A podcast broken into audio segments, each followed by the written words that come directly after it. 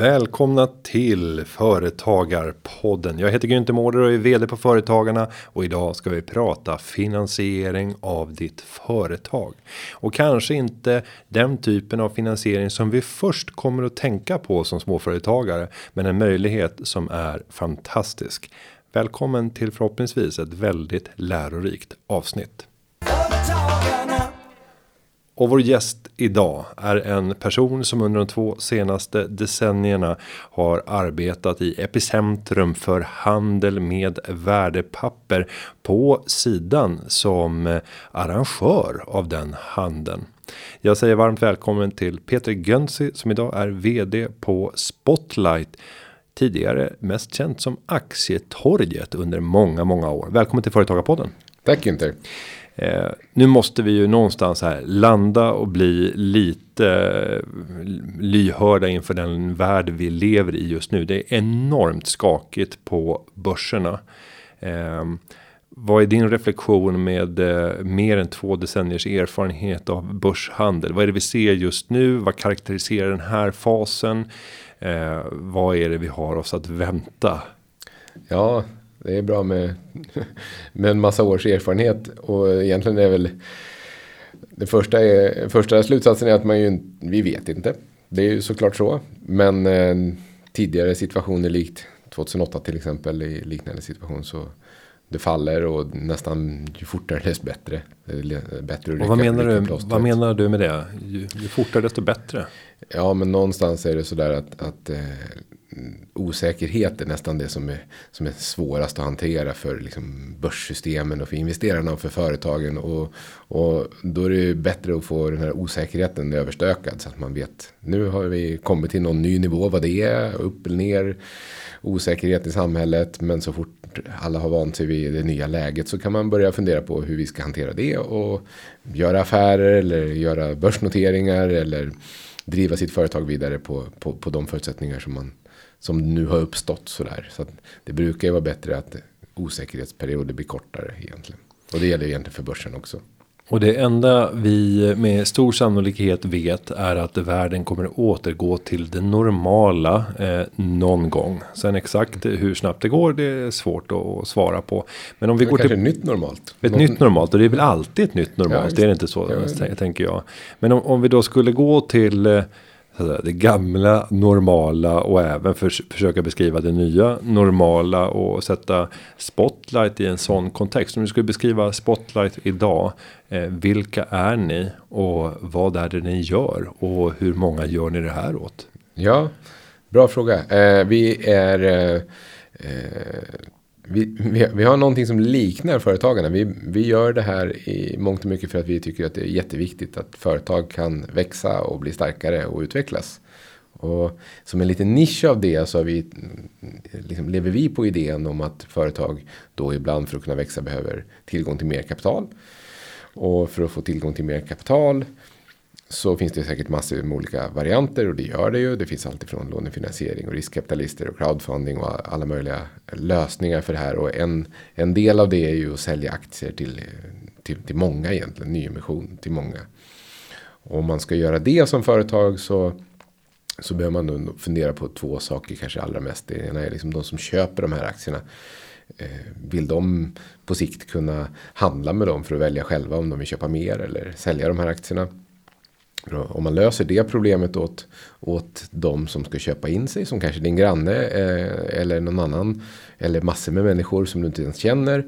Eh, ja, men då, då är det lättare om man har arrangerat den här möjligheten att, att, handla med aktierna i efterhand. Och det är ju egentligen det som, som börser gör. Och det är det som Spotlight Stock Market gör då för kunderna, de här bolagen. Och sen finns det en sak till som, som gör att det är lite lättare att få många människor att våga bli investerare i ett företag. Det är ju tillgång till information. Och då behöver det struktureras. Och det, det finns det en massa lagkrav om vad man måste göra men det också finns en ganska stor vi vet att det är väldigt viktigt att, att investerarna ska känna, eller de här människorna som vill köpa in sig. För det är ju oftast människor av kött och blod när vi pratar lite mindre företag. Det är inte stora internationella pensionsfonder. Utan det är människor som vill, som vill vara med. De vill ju, egentligen skulle de vilja sitta i styrelsen allihop, men det går ju inte. Utan de måste arrangera så att de här får relevant information och information som de kan ta till sig. Och det är både utifrån regler och krav men också se till att det finns ett system runt omkring som plockar upp den här informationen. Och det skrivs i media om det och, och informationen kommer fram till investerarna egentligen. När det där fungerar då finns det kapital tillgängligt. Då kan man, då kan man finansiera sitt bolag. Både inför en notering och längs vägen kan man visa goda resultat förhoppningsvis och då kan man attrahera ännu mer kapital från den här marknaden som då har uppstått. Och det där gör vi idag. Vi eh, har 177 företag som är kunder hos oss och som har valt att, att nyttja den här lösningen som gör att företaget kan då ta in kapital från, från allmänheten. Man kan använda det till lite flera saker. Det är inte bara att ta in nytt kapital. Men i, i grund och botten är det ganska många som har valt det av det skälet. Men det, man blir också lite mer känd. Man blir väldigt påpassad och genomlyst och upp, eh, uppmärksammad egentligen. Och det finns en massa för och nackdelar med att vara på börsen. Men det är liksom det, är det Spotlight gör. Bygger det här systemet och tillhandahåller det till företag och, och investerare egentligen. Och företagarna har sedan en tid tillbaka lanserat en del på hemsidan som vi kallar finansiera ditt företag. Och här försöker vi lyfta fram alla de olika alternativ som står till buds. För vi märker att bland många småföretagare så tänker man bara så att säga, det klassiska. Man tänker egna ägarlån in i bolaget. Man tänker en långsiktig kredit hos banken med eller utan säkerhet. Man tänker checkräkningskredit. Man tänker ofta att en bank är inblandad i det här. Men det finns ju mängder av andra alternativ som finns där ute som går att kombinera med andra finansieringsmöjligheter och som kan ge andra typer av positiva effekter. Mm. Och därför så har vi även med Spotlight som en av de aktörerna för att beskriva möjligheterna som finns med att jobba med en marknadsplats där du både kan ta in kapital och också kunna ha en andrahandsmarknad för att uh, kunna handla med de här aktierna. Men om man tittar då på Spotlight. Jag tänker mig att de flesta företagare omedelbart tänker ryggmärgsreflexmässigt. Det där kan inte vara någonting för mig jag är inte tillräckligt stor. Mm. Det där är bara för, för bolag som drivs av stora tillväxtplaner och ska skala upp sin verksamhet. Och, men vad skulle du beskriva? För vem är Spotlight till? Ja men det, det, där är ju jätteintressant för det möter vi också. Det, det, du tänker är ju det som, som många tror. Börsen är ju för de största bolagen. Men egentligen är idén om att, att ett, ett mindre bolag och det, det kanske inte behöver vara. Det kan ju vara ett litet eh, tillverkande bolag som kanske omsätter 50 miljoner eller 100 miljoner eh, och gör resultat. Det skulle kunna vara jätteintressant för, för många investerare att vara delägare i det bolaget. Och, och många tänker att nu kommer jag tappa kontrollen om mitt bolag. Ja, men det gör man nog inte. Det beror lite på hur mycket man säljer ut. Så det är väldigt många tror ju att det är för de allra största bolagen. Men vi har jättemånga kunder som börjar som relativt små bolag. Och antagligen växer sig och blir rätt mycket större. Och våra största är värda flera miljarder. Det var de inte från början. Och sen har vi många kunder som sakta tickar uppåt så att säga. Och växer lite grann och, och producerar och gör bra ifrån sig. Och eftersom det är eh, företag vi pratar om så finns det ju till och med de som det inte går så bra för såklart. Självklart och blir, blir mindre eller nästan försvinner. Men företag av olika storlekar kan ju vara intressant för investerare. Det behöver ju inte bara ha med, med hur stort företaget att göra. Och investerare högst allmänt eller liksom, det låter som någon sån här okänd människa vid Stureplan. Investerare är ju människor, kanske din granne, kanske de du känner. De vill ju gärna vara med. De vill gärna vara med mycket tidigare än vad folk tror. De tycker det är spännande att komma in i bolag som, som inte har hunnit bli så där jättestora och, och få komma in tidigt och få vara med på resan. Så, att, så att, eh, jag tror att man ska tänka om här och tänka från helt andra hållet. Och om vi tittar utifrån så här efterfrågeperspektivet bland investerare. Kan man prata om någon typ av karaktäristika på bolag som är särskilt eftertraktade och som är eh, väldigt lätta att sätta på marknaden, det vill säga notera. Och då tänker jag i termer av är det viktigt att man har en tillväxt? Eh, betalar det sig att man redan idag har en lönsamhet? Måste man vara tydlig med att eh, de pengarna man eventuellt tar in när man gör en ny emission och går till börsen ska användas till offensiva satsningar för att få bolaget att växa. Kan man säga någon karaktäristika som så här, det här är vad många söker efter? Ja, dels går det ju trender i det. Vad, vad många letar efter. Men, men sen så är det ju, när man tittar på det så finns det ju en uppsjö av olika av det här. Det finns såklart en hel del människor som är extra intresserade av, av bolag som kan bli enorma. Som är små nu och skulle kunna bli hur stora som helst.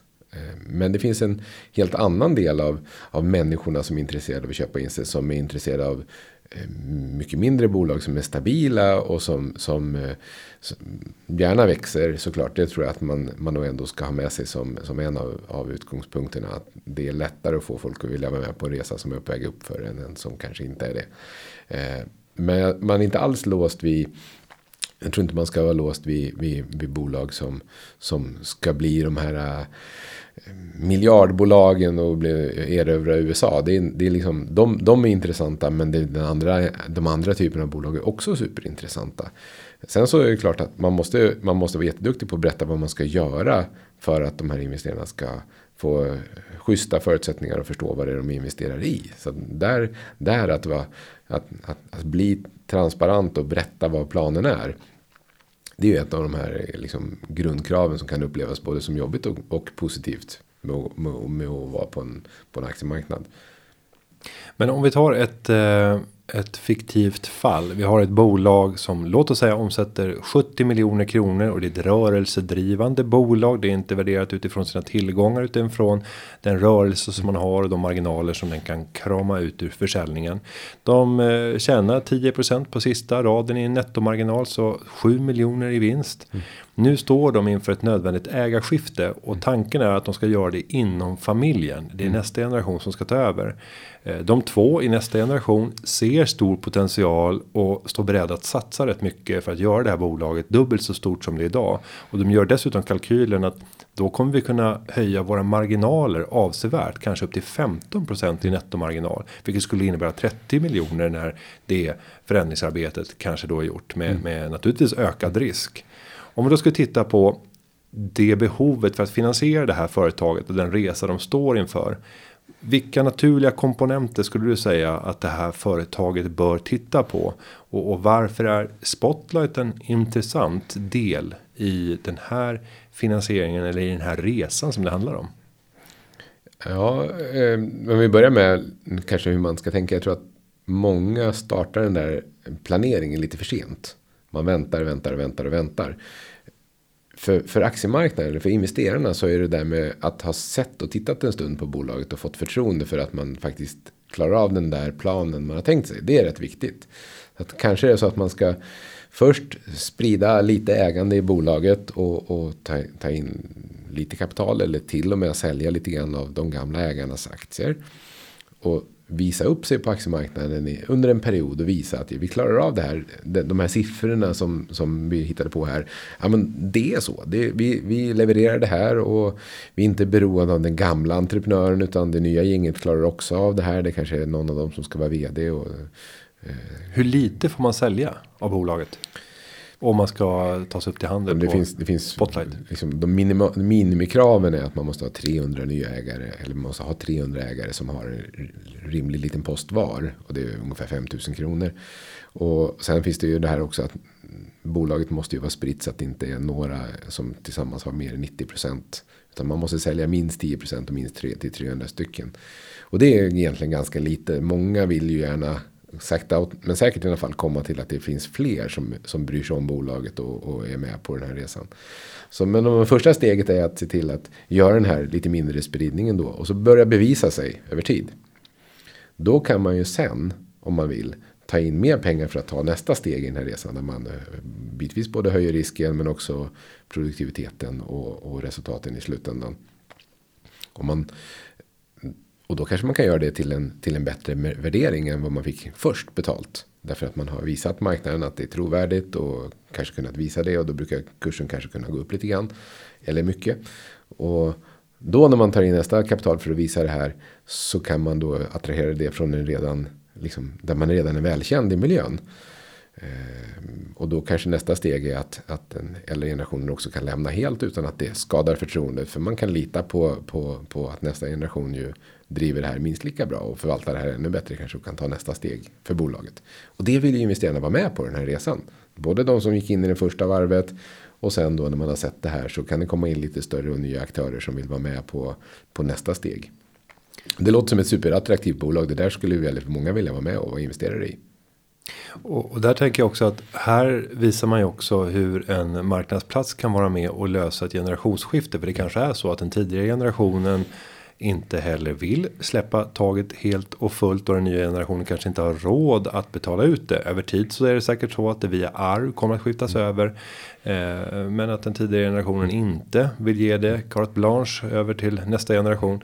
Då är ju den här marknadsnoteringen en möjlighet att faktiskt kunna reglera det här ägandet. När de gamla entreprenörerna har klivit av eh, så kan den generationen faktiskt över marknaden sälja och frigöra det kapitalet som har har skapats. Så är det också. Och jag tror att de i, i början så är det inte så mycket så mycket försäljning av de gamla aktieägarnas aktier som är aktuellt i den här typen av bolag eller på, på, på den typ av marknad som jag jobbar med.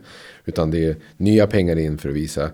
Men över tid när man har visat det här då har du ju ett, ett ett pris på, på, på, på de här aktierna. Och det behöver inte längre skada förtroendet när man har visat att de nya ägarna och den nya ledningen och sönerna eller döttrarna då eh, till exempel. Eh, de klarar av det här alldeles utmärkt.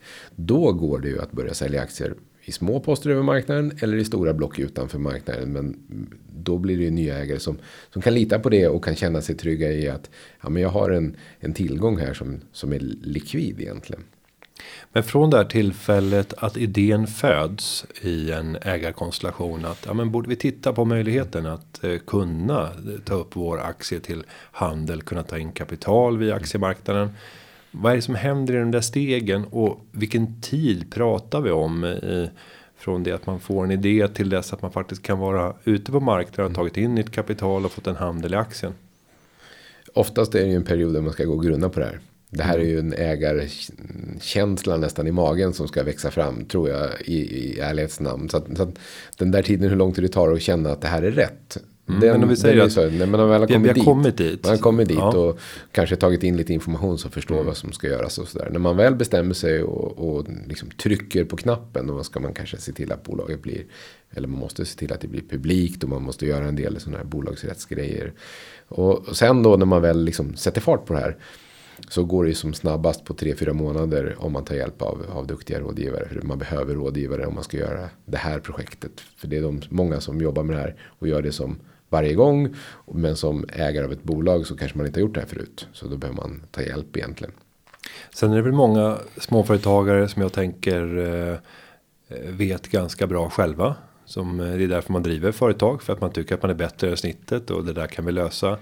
Eh, vad är ditt medskick när det gäller att, att göra mycket av arbetet själv versus att ta in hjälp och köpa vad man ofta tycker är svindyra konsulter i Stockholm. Ja. Så är det. Ja. det. det. finns faktiskt de som sitter i andra ställen i Stockholm. Men, men, men, men, men oavsett, de är svindyra ändå. Oavsett så kan ja, man kalla dem från Stockholm. Även om de sitter i Trollhättan. Så, så, är det nog faktiskt. Eh, ja, men dels så, så vi har ju många kunder som nog är just den här typen av entreprenör som, som faktiskt, och det är kanske det som har tagit dem till att, komma så långt också. Att de har faktiskt lyckats vara de som är lite bättre än snittet och, och tror väldigt mycket på sig själva. Det är nog en ganska bra egenskap i många sammanhang. Men det är klart att de som också inser att om jag fortsätter att lägga min kraft på affären under tiden så tappar inte den fart av att jag ska lägga en massa kraft på att hålla på med mindre intuitiva regler eller vad det nu må vara och, och, och lägga kraft på det här. Så men jag tror väl att träffa flera så att man inte liksom sätter sig med någon som man inte har en tillräckligt bra känsla för. För att det blir ju en personrelation. Men ta hjälp. Det, det, det kommer att löna sig. Du kommer faktiskt få bättre betalt för ditt bolag om du tar hjälp. För det är också ett hantverk där det är några som är väldigt bra på det. Och om du inte har gjort någonting förut så tar det rätt mycket energi och får det här att bli riktigt bra. Och det blir faktiskt nästan aldrig tillräckligt bra om man gör det helt själv. Men eh, det finns de som har lyckats med det också såklart. Och nu kommer en sån här hur långt är ett snöre fråga. Vad kan vi prata om att det kostar? Ja. Att göra en sån här resa. Ja men. och på den första då för att definiera snöret lite grann så måste man ju fundera på hur mycket pengar är det man ska ta in. Men om vi leker med tanken att det är liksom här ska det tas in 25 miljoner kronor. I, mm. Bolaget kanske vi säger att det är, och då måste man sätta lite proportion för det. Då kan inte bolaget vara eh, värt 25 miljoner för då blir ju, försvinner ju hälften av ägandet. Och det kommer aldrig de här gamla ägarna vilja utan de vill ha kontroll fortfarande. Så vi leker med tanken att bolaget är värt vi säger minst 50 miljoner. Men det kan vi ta det där gamla, gamla exemplet. Bolag som omsatte 70 tjänade 7. Ja. Och sen vill de ha 10 gånger årsvinsten. Så mm. de vill värdera det här till 70 miljoner just. Ja. Ja, och, och, de, och, de, vill ge ut, eh, ta in 25 miljoner i kapital och stå mm. beredda att släppa då mm. ungefär en, en tredjedel av mm. bolaget. Då skulle jag säga att om vi börjar med, med det är fullt rimliga proportioner i det och, och det kanske kommer kosta 10% ungefär.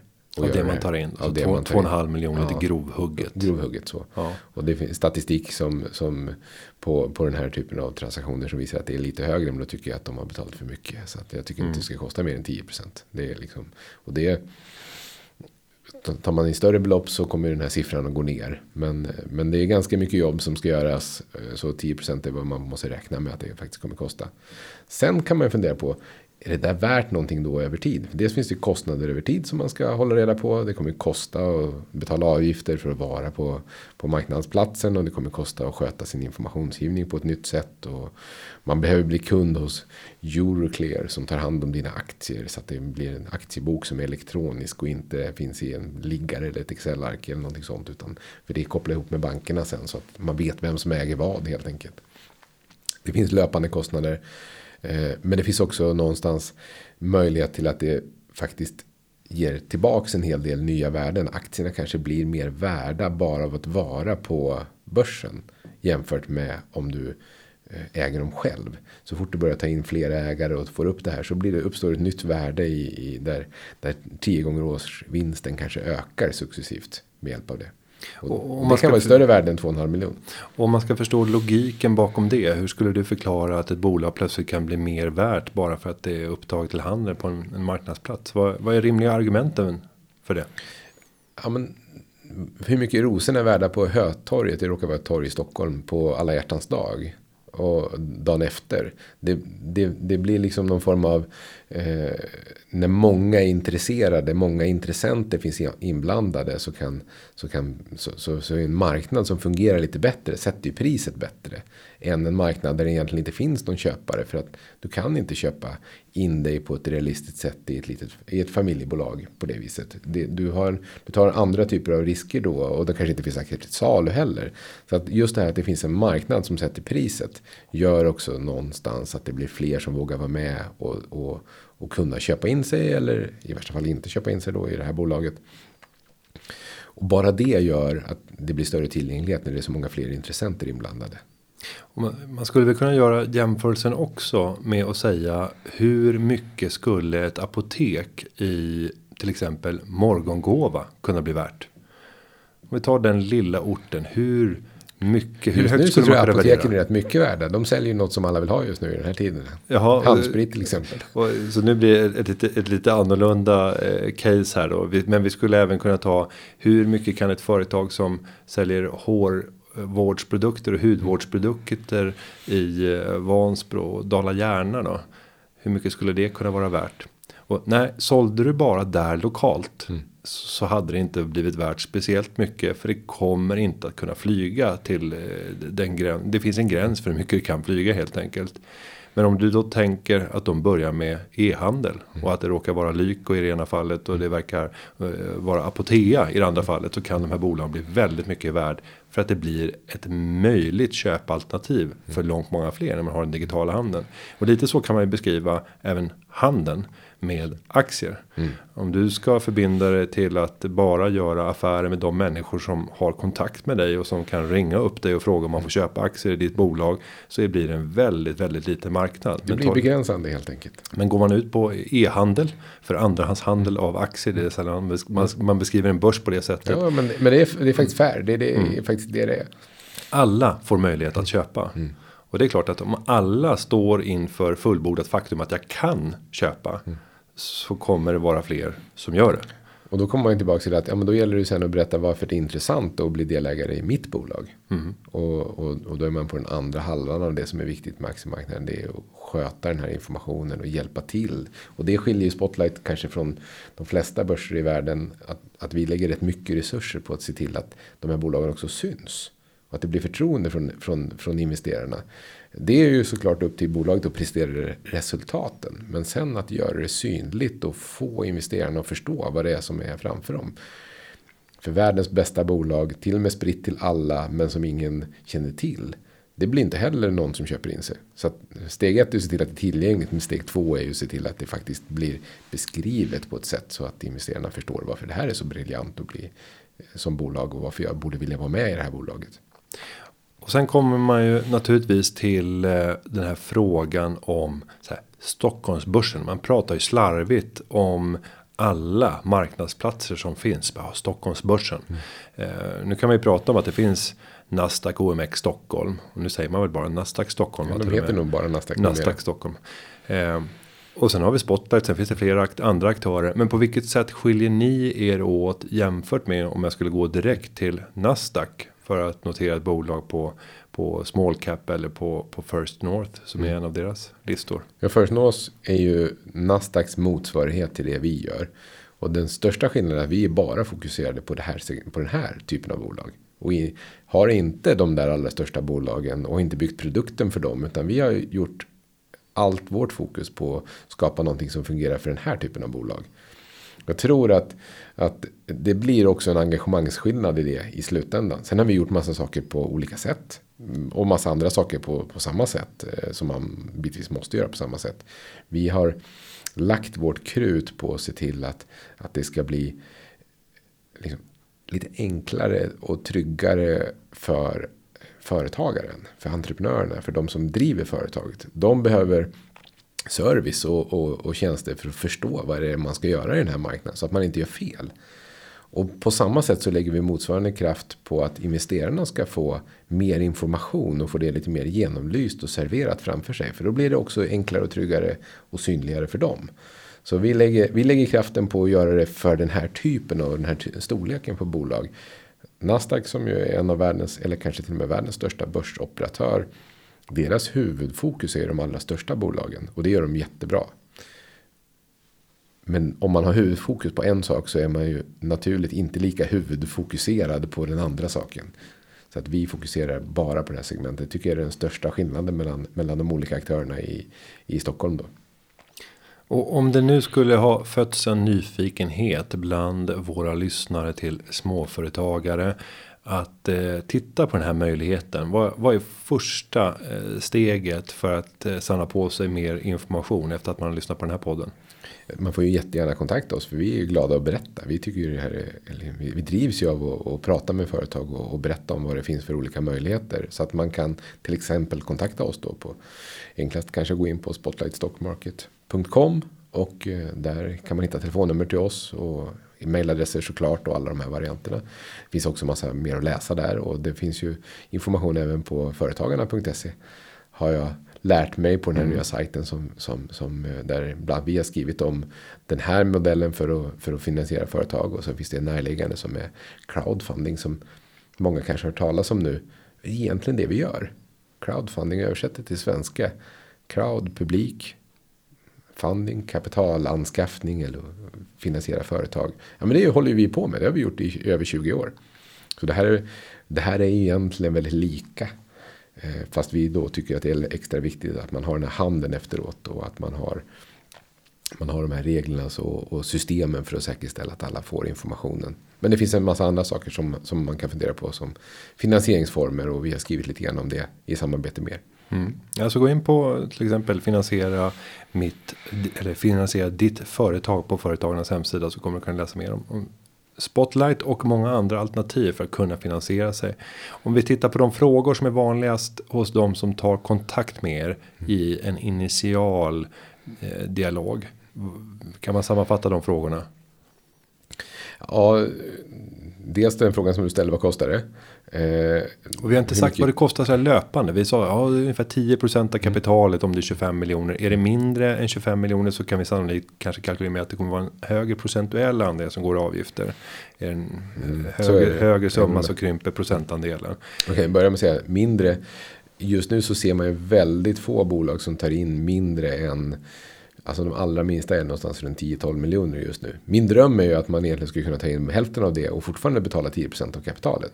Jag, jag, det har jag som vision. Sen jobbar jag lite motvind med det därför att det också krävs en massa saker som ska göras. Och när det krävs mycket att göra så kostar det ju mer tid helt enkelt. Och då, då stretchar det ju på de här proportionerna. Men du började med frågan vad kostar det löpande? Ja, mot, mot själva marknadsplatsen mot oss så kostar det 20 000 i månaden. Och, och sen så finns det ju lite kringkostnader till då. Med till exempel det här Euroclear som jag nämnde. I vårt paket så ingår väldigt mycket av de saker som man sen också annars skulle behövt köpt. System för att offentliggöra information och sånt. Allt det där ingår hos oss. Vi vill gärna göra det enkelt så att man ska veta vad.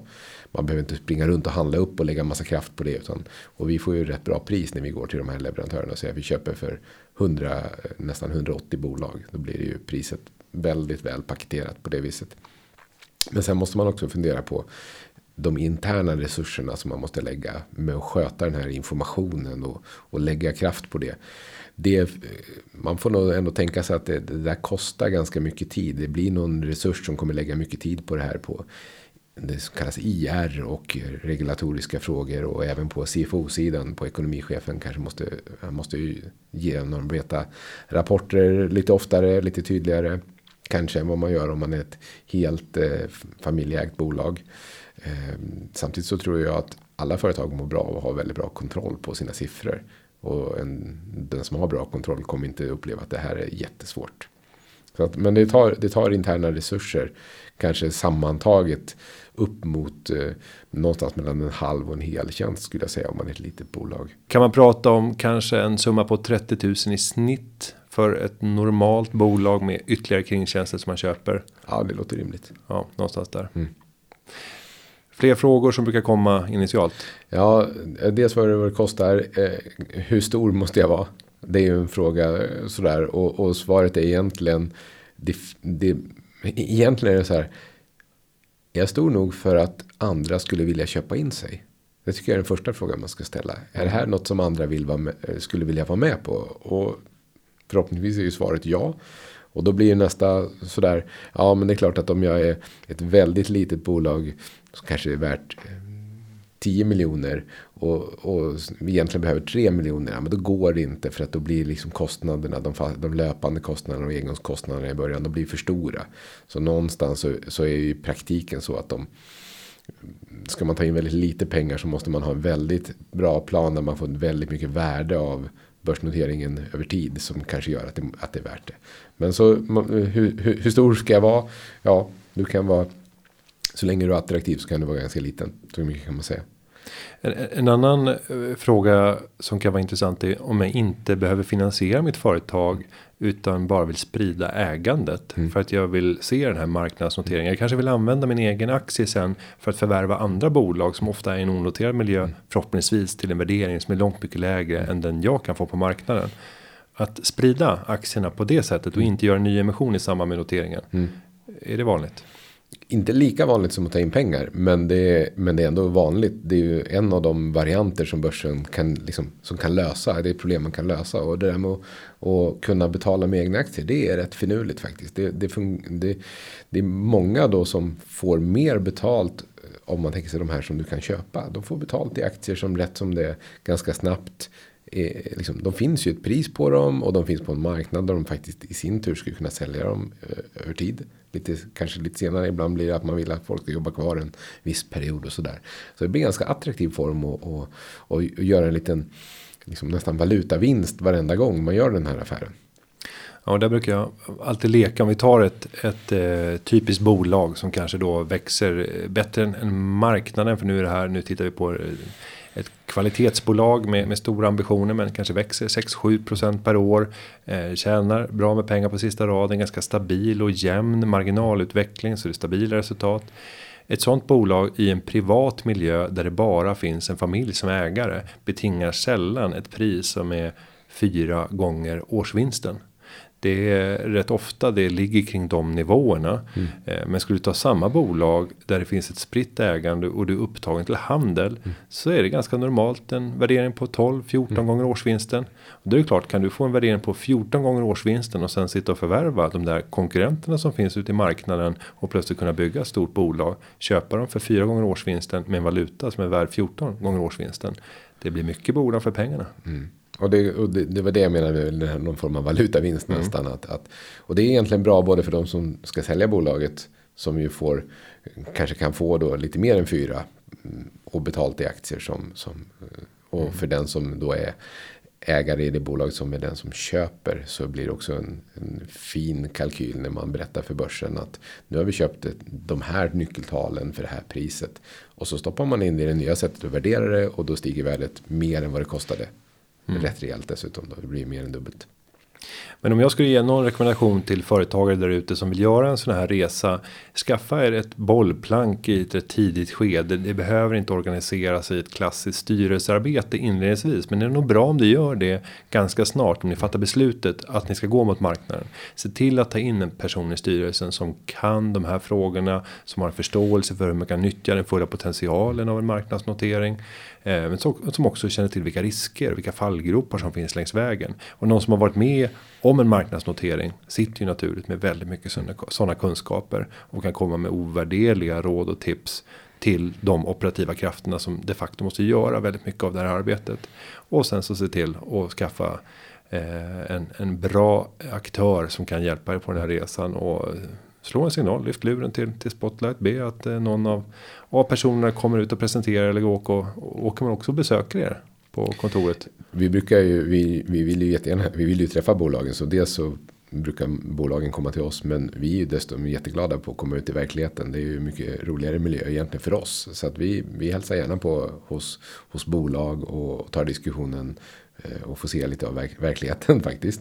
Medan det också är bra för bolagen att under den här resans gång komma till oss. Och ibland är det enklast om det är så att alla är ute och rör sig att man råkar träffas där det är möjligt eh, första gången. Sådär. Så men, men, vi har ambition att, att synas ute i landet. Även om landet är stort och vi är få. Så försöker vi, eh, vi försöker springa helt enkelt. Det, det fanns en, en intressant sak i den där resonemanget du hade Günther. Av bolag som kommer till oss så är det väldigt många som har någon eh, koppling till någon, något redan, bolag, redan noterat bolag. Så att det är någon som sitter i styrelsen och så sitter i nästa bolagsstyrelse. Sen, vår upplevelse är att det är ganska få som känner till att det här fungerar. Av de som känner till att det fungerar och har prövat det så kommer de tillbaks. Och, och, i nya konstellationer. Och antagligen för att de har sålt bolaget och köpt, köpt in sig i något nytt. Eller styrelseledamöter som har jobbat på suttit i flera. Eller bara för att man, har, man känner någon i, i sin region som har gjort det här och som har berättat om vad man kan göra om man har någon att prata med. Och sen kan vi vara då på andra områden i Sverige där det egentligen inte finns någon som har gjort det här. Man känner egentligen inga goda exempel. Och därför så blir det liksom inget riktigt alternativ. Så till exempel i Lund är det vansinnigt många noterade bolag. Eh, där drog det igång med ett antal bolag för en 10, ja, 10-12 år sedan. Och sen har det blivit en herrans fart från Lund. Det skapas massor med företag. Nu är det, före, nu är det förebilder. Det är goda förebilder. Och det gick bra från, från början för några. Och de visade vad man kunde göra. Och så får det mm. spridning. Så det är väl en, en, en, utmaning för oss att, att, berätta det för alla områden, inte bara Lund. Nej, och mitt eh, sista tips till, till dig som lyssnar och blir lite nyfiken. Gå in och titta på vilka är det som sitter i styrelsen för de bolag som är upptagna till handel och kanske har noterat sig de senaste två, tre åren. Eh, Ring upp till en sån person och fråga kan jag få bjuda dig på en lunch? Jag är så spänd på att höra den resa som ni har gjort. Och då skulle det helst av allt inte vara ett konkurrerande företag utan inom någon helt annan bransch. Och hur många blir inte glada över lite smicker och en, en gratis lunch. Och du kommer få enormt värdefull information och kunskap som du kommer kunna använda till din egen fördel. Och förhoppningsvis göra en bra finansiering, kunna hitta en ett sätt som gör att du får eh, en bättre marknadsvärdering och öppnar upp helt nya möjligheter för ditt bolag. Billig lunch.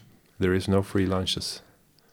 Om man inte är den som blir bjuden. Nej, men inte ens då. inte ens då. Nej. Då får man bjuda på information istället. Det är bra. Men, men med det, Peter Gönsi, vd på Spotlight. Eh, stort tack för att du kom till Företagarpoddens studio. Vi hoppas att vi har inspirerat fler till att våga tänka tanken att ta upp sitt bolag till handel på en marknadsplats. Tack så mycket, lycka till.